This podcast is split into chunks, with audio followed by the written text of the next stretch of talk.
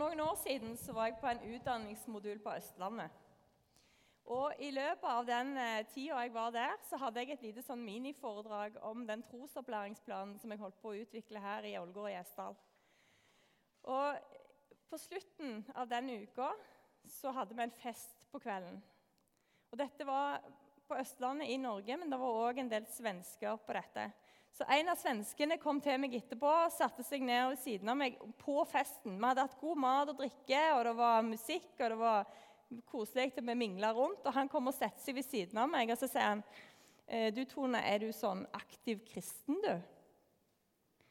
Og jeg ble litt sånn paff og tenkte ups, hva kommer nå? Eh, jo, ja, sa jeg. Jeg er aktiv kristen, jeg. Ja, for han kjente ingen. Han kjente ingen sånne som meg som var sånn aktiv kristne, så dette ville han høre mer om. Så om jeg kunne fortelle litt om det Nei, gavepakke, tenkte jeg.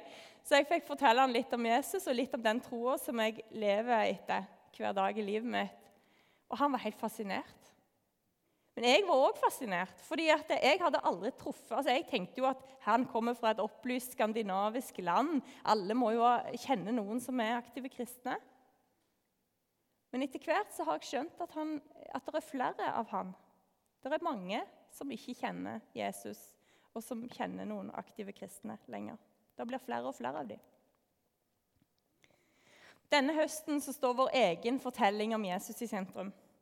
Min Jesus-fortelling. Og Flere av dere har tatt den testen som det ligger link til i cellegruppeopplegget på hjemmesida og som òg står i den boka som, er, eh, som de selger ut på infobordet. Det er en liten test som forteller hvor vi er i forhold til eh, vår tenkning om Jesus og hva vi legger mest vekt på. Om vi legger mest vekt på Jesus i Galilea, Jesus i Jerusalem eller Jesus som lever her nå hver dag og går sammen med oss. Eh, og Vi skal se en liten film bare for å få en liten sånn oppfriskning på hva det var for noe.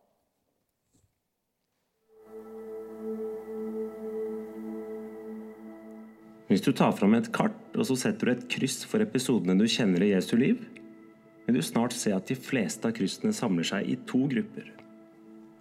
Her oppe metter Jesus 5000, han går på vannet og han kaller disipler. Og her nede blir Jesus født. Det er her han besøker tempelplassen og han innstifter nattverden. Dette er Galilea. Og det var her Jesus vokste opp og bodde. Det var her han vandret fra landsby til landsby med sine disipler. Og dette er Jerusalem. Hovedstaden som Jesus ofte dro til i høytidene. Her lå tempelet. Og det er dette som er bokas grunnidé. Den forteller om dette og om dette. For begge deler er viktig nå et par tusen år senere. Jesus i Galilea, Jesus i Jerusalem. Sist helg var noen av lederne i menigheten samla på Alsvik til lederdøgn. Og etterpå, når vi var der, så fikk vi tatt en test, den samme testen. Og så fikk vi en god prat om det etterpå. Og Det jeg la merke til, var for det første at jeg sjøl havna på grønn nå igjen. Og tenker Det var ikke så rart, fordi at jeg i det siste har vært veldig opptatt av hvordan Jesus møtte mennesker i Galilea og, og hvordan, eh, hvordan, jeg kan følge etter Jesus og lære av han der. Men det som jeg også la merke til, var at jeg selv ble, altså ble mer oppmerksom på de andre to. De to som jeg ikke skårte på. Fordi jeg ble nysgjerrig på hva er det jeg ikke har fått med meg. Eller hva er det jeg kan på en måte se mer på i forhold til dette med Jesus i Jerusalem som frelseren, den som dør på korset. Og hva er det jeg kan se mer på i forhold til dette med at Jesus går sammen med oss hver dag nå og inn i framtida. En som fikk lære Jesus å kjenne og gå sammen med han i hverdagen, det var Peter. Og Forrige G2-gudstjeneste så hørte man Peter som ble kalt til å følge Jesus. Sannsynligvis var ikke det første møtet mellom Peter og Jesus. De kjente nok hverandre fra før. Men nå ber Jesus altså Peter om å være med på et viktig oppdrag. Peter går fra å være nysgjerrig til å få utfordringen Blir du med? Underveis i livet til Peter så går det opp og ned. Peter har gått fra å være nysgjerrig, bekjent av Jesus, til å bli en medarbeider, en som virkelig får oppleve store ting med Jesus. Og Samtidig så lever han et normalt liv opp og ned. Det som vi kaller for normalt, å gå litt sånn opp og ned i, i tingene. Men han er et av de største forbildene for oss på sitt beste. Og Samtidig så kan vi nikke gjenkjennende til hans mange nederlag. Vi kjenner oss igjen.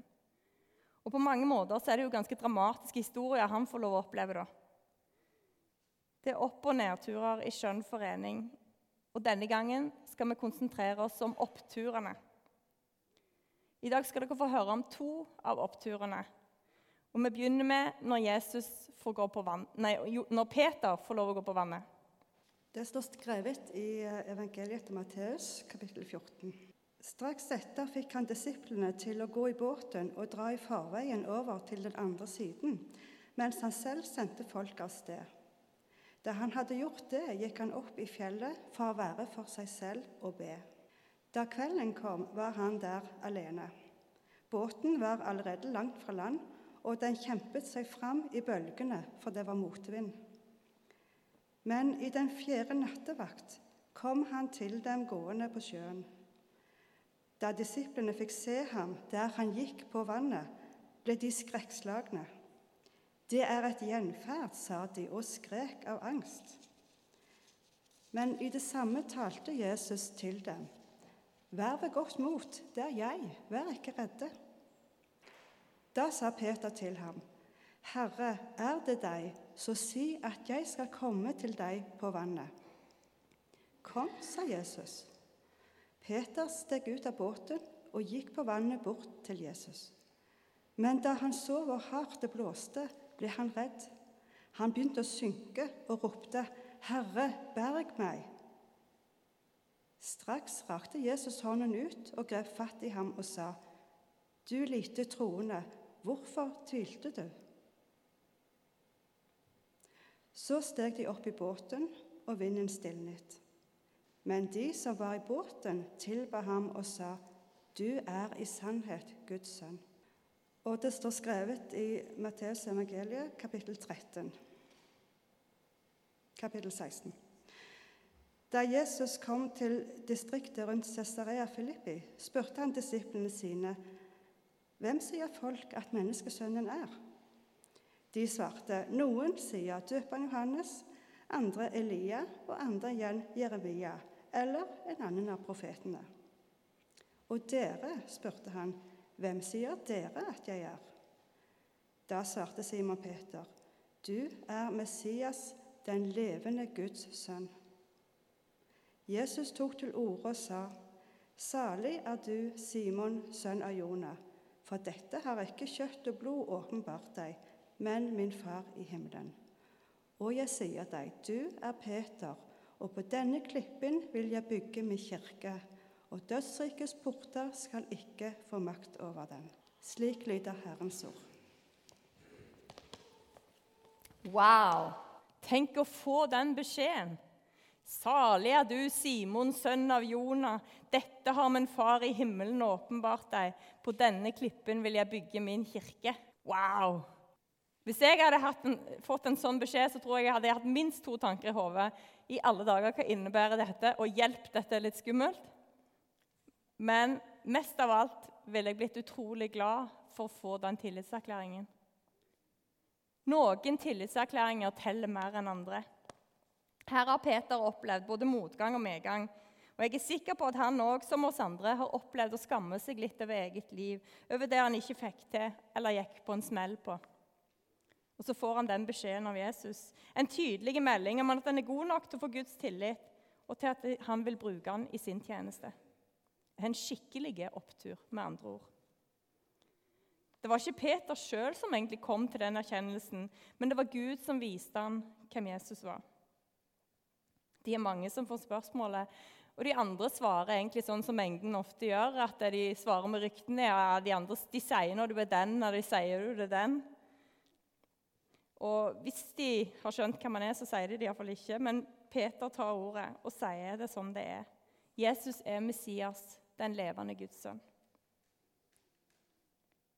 Tenk deg at Jesus står foran deg og spør hvem du tror at han er. Hva vil du svare?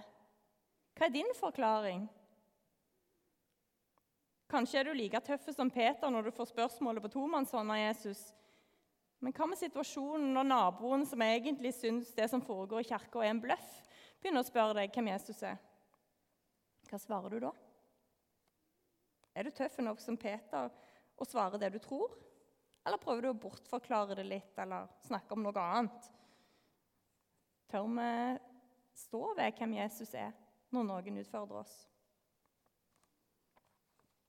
Peters bekjennelse skjer i Cesarea Filippi. Og Nå er han på det nordligste, han, nordligste punktet han besøkte. Og Fra nå av så vender han og går mot Jerusalem. Nå går veien mot korset. Og Peters bekjennelse innleder en del av evangeliet der Jesus begynner å undervise disiplene om hvem han er, og hva det vil si å være hans disippel og tilhøre hans kirke. Det var allerede mange spekulasjoner om hvem Jesus var, og sånn er det på mange måter i dag òg.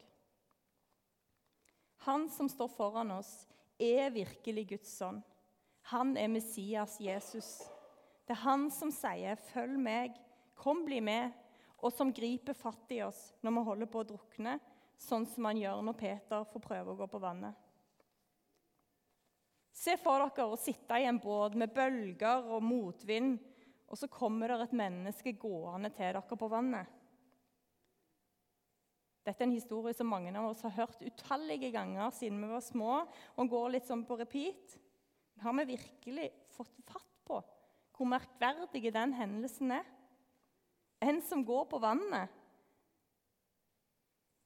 Og så sier Jesus 'kom', og inviterer Peter til å få lov å, komme, til å gå ut på vannet, han òg. Han gjør det. Han stoler på Jesus og går. Men så tviler han, og så blir han redda av Jesus sin stødige hånd, som hindrer han i å gå unna. Disiplene skjønner at Jesus er mer enn et menneske. Han er Guds sønn.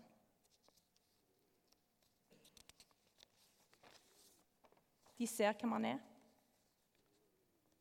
Peter, Jesus viser at han kan komme til dem, selv om han i utgangspunktet er langt vekke. Peter blir et forbilde for hva vi kan klare når vi fokuserer på Jesus og det han sier til oss. Da kan det skje uventa ting. Vi skal ikke akkurat gå på vannet, men i overført betydning så blir vi oppfordra til å gjøre det. I denne hendelsen så er Jesus på noe av sitt beste. Han har mot nok til å gå, og han stoler på Jesus. Hvordan er det med oss? Har du noen hendelser i livet ditt der du kan ha, ha hatt den opplevelsen av å ta mot til deg, våge å gå og opplevd at det holder? At Jesus kaller deg til noe som egentlig virker skummelt eller merkelig, men du gjør det fordi Jesus sier at du skal gå. Det kan være spennende å gå sammen med Jesus, ikke bare for Peter, men for oss òg. Våge seg ut av båten, våge å gå litt på vannet i overført betydning. Jeg husker første gangen jeg holdt en preken. Det var i en gudstjeneste en høst i Berland menighet for en god stund siden. Den våren hadde jeg noen veldig spesielle opplevelser når Oddbjørn hadde preken. Det var som om jeg hørte Guds stemme som sa til meg, 'Tone, du skal ha en preken'. Og Dette skjedde tre ganger. De to første gangene så, jeg at, eh, så prøvde jeg å argumentere heftig med Gud etterpå og sier, 'Kjære Gud, jeg, godt, jeg, har sagt at jeg skal følge deg, jeg har sagt at jeg kan gjøre hva som helst, men akkurat dette her, det høres veldig kjekt ut, men det høres enormt skummelt ut. Så Det kan jeg ikke være så snill å få en annen oppgave. Så skjer dette tredje gangen, da. Og da tenker jeg ja, ja, OK, da får du skylda.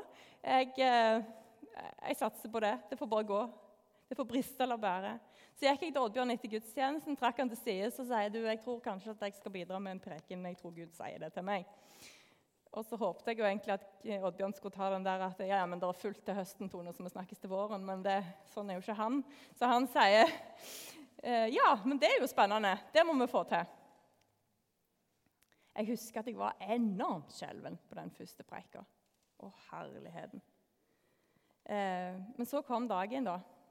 Jeg jobba med det, jeg tok sjansen, og så er jeg ikke holdt på med nå. Det er uante muligheter i det å følge etter når Jesus sier 'kom'. Det er helt sikkert. Og jeg har mange ganger takka Gud for den opplevelsen. Og jeg tenkte Han sendte ikke meg ut, altså han sender oss ikke ut i ting vi ikke kan klare. Jeg syns det er så fint at Jesus griper fatt i Peter og holder ham fast når han er i ferd med å synke. For vi kan òg stole på at vi har med oss en som griper fatt i oss og holder oss fast om vi trenger det. Han er sammen med oss i det som skjer. Og han stikker ikke når han først har sagt 'kom', og vi har våget oss ut på litt sånn småskumle steder og oppdrag. Hvor er det du står foran en utfordring, og Jesus sier 'kom'? Oppfordrer deg til å prøve å gå. Stoler du på at Jesus vil ta hånda di og holde deg fast hvis det skulle skjære seg? Jeg liker godt å gå på fjelltur. Og De som er litt sånn perifere venner med meg på Facebook, de tror at jeg går på tur hele tida. Av og til så kommer jeg, jeg var i et selskap i går, og det første jeg får beskjed om, det er du, Tone, du går alltid på tur, eller? Eh, nei, men det er det jeg legger ut på Facebook. Men jeg liker å gå på tur. Jeg liker å være på fjelltur. Og så kommer vi ofte, Det er alltid sånn vi skal som regel opp på en eller annen topp eller et eller annet sted der det er bratt. Og Så lenge jeg har klatretau og klatresele, så er jeg ganske tøff. Og da er jeg trygg, så da har jeg det greit. Men når jeg går uten og skal øve et parti med buldring eller sånne smale steder der det er høyt ned, da får jeg litt hetta. Da er det utrolig godt når noen av de andre i turfølget bare rekker ut ei hånd og holder meg der, sånn at jeg kan gå over. Og det er ikke mye som skal til heller, men, men, men at noen, noen er der, sånn at jeg tør å gå over det som er skummelt. Jeg har noen fortellinger om oppturer i livet med Jesus. Og Samtidig så har jeg en nysgjerrighet på hva som kommer. Når, i livet frem, når i livet framover er det Jesus står og sier 'kom'? Kommer det noen sjanser til å gå litt på vannet? Jeg lengter etter flere sånne oppturer, og jeg gleder meg over dem når de kommer. Ofte er vi mennesker gode til å se opp nedturene våre, til å stelle pent med nederlagene og gni det litt inn. Men vi trenger å se de oppturene, det som går godt. De gangene vi blir brukt av Jesus til gode ting, og de gangene vi opplever at Gud er nær, og at vi bare kan hvile i det å være Guds barn. De gangene vi kjenner at vi har det godt sammen med Jesus.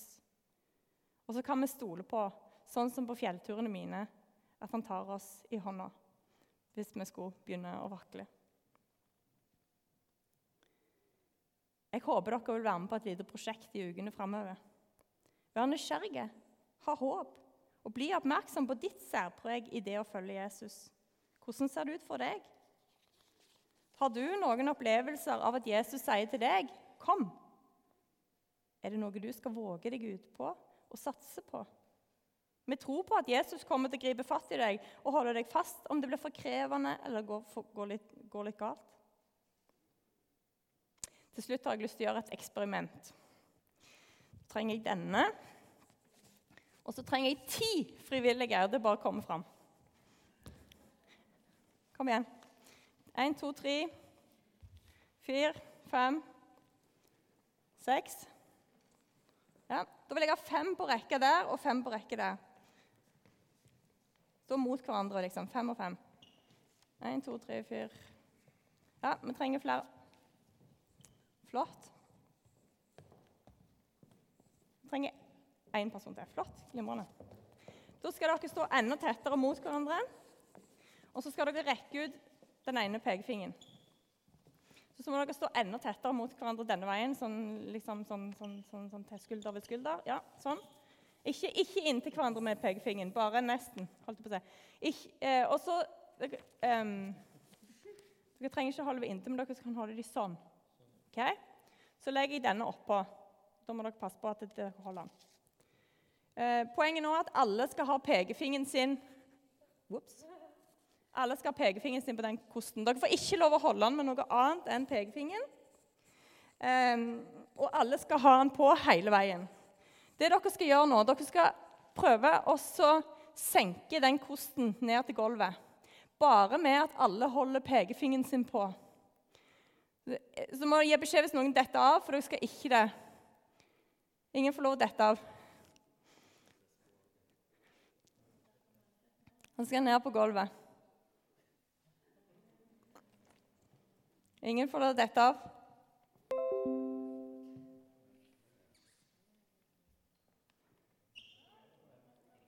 Ja, det er noen som har falt av allerede. Nei, men det Jeg har jukset litt her, altså.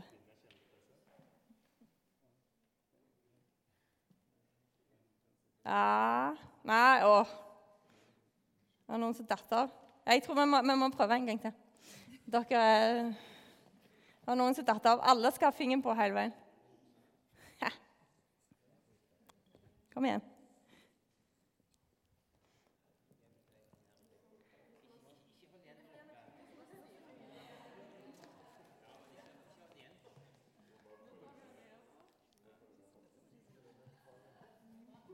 Dette kan dere prøve hjemme. Det er en ganske krevende øvelse.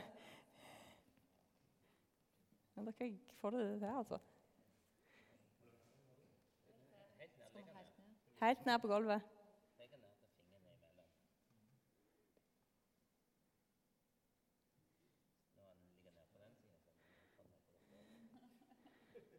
Tusen takk skal dere ha.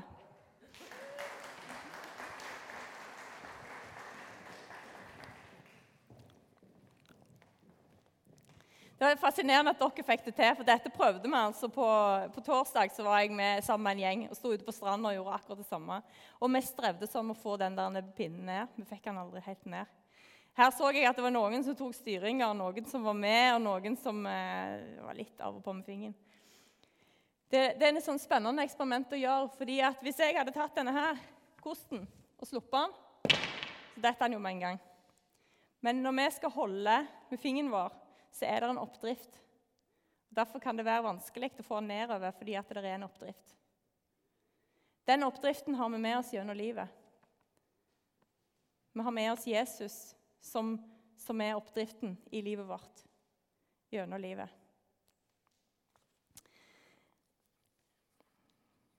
Vi,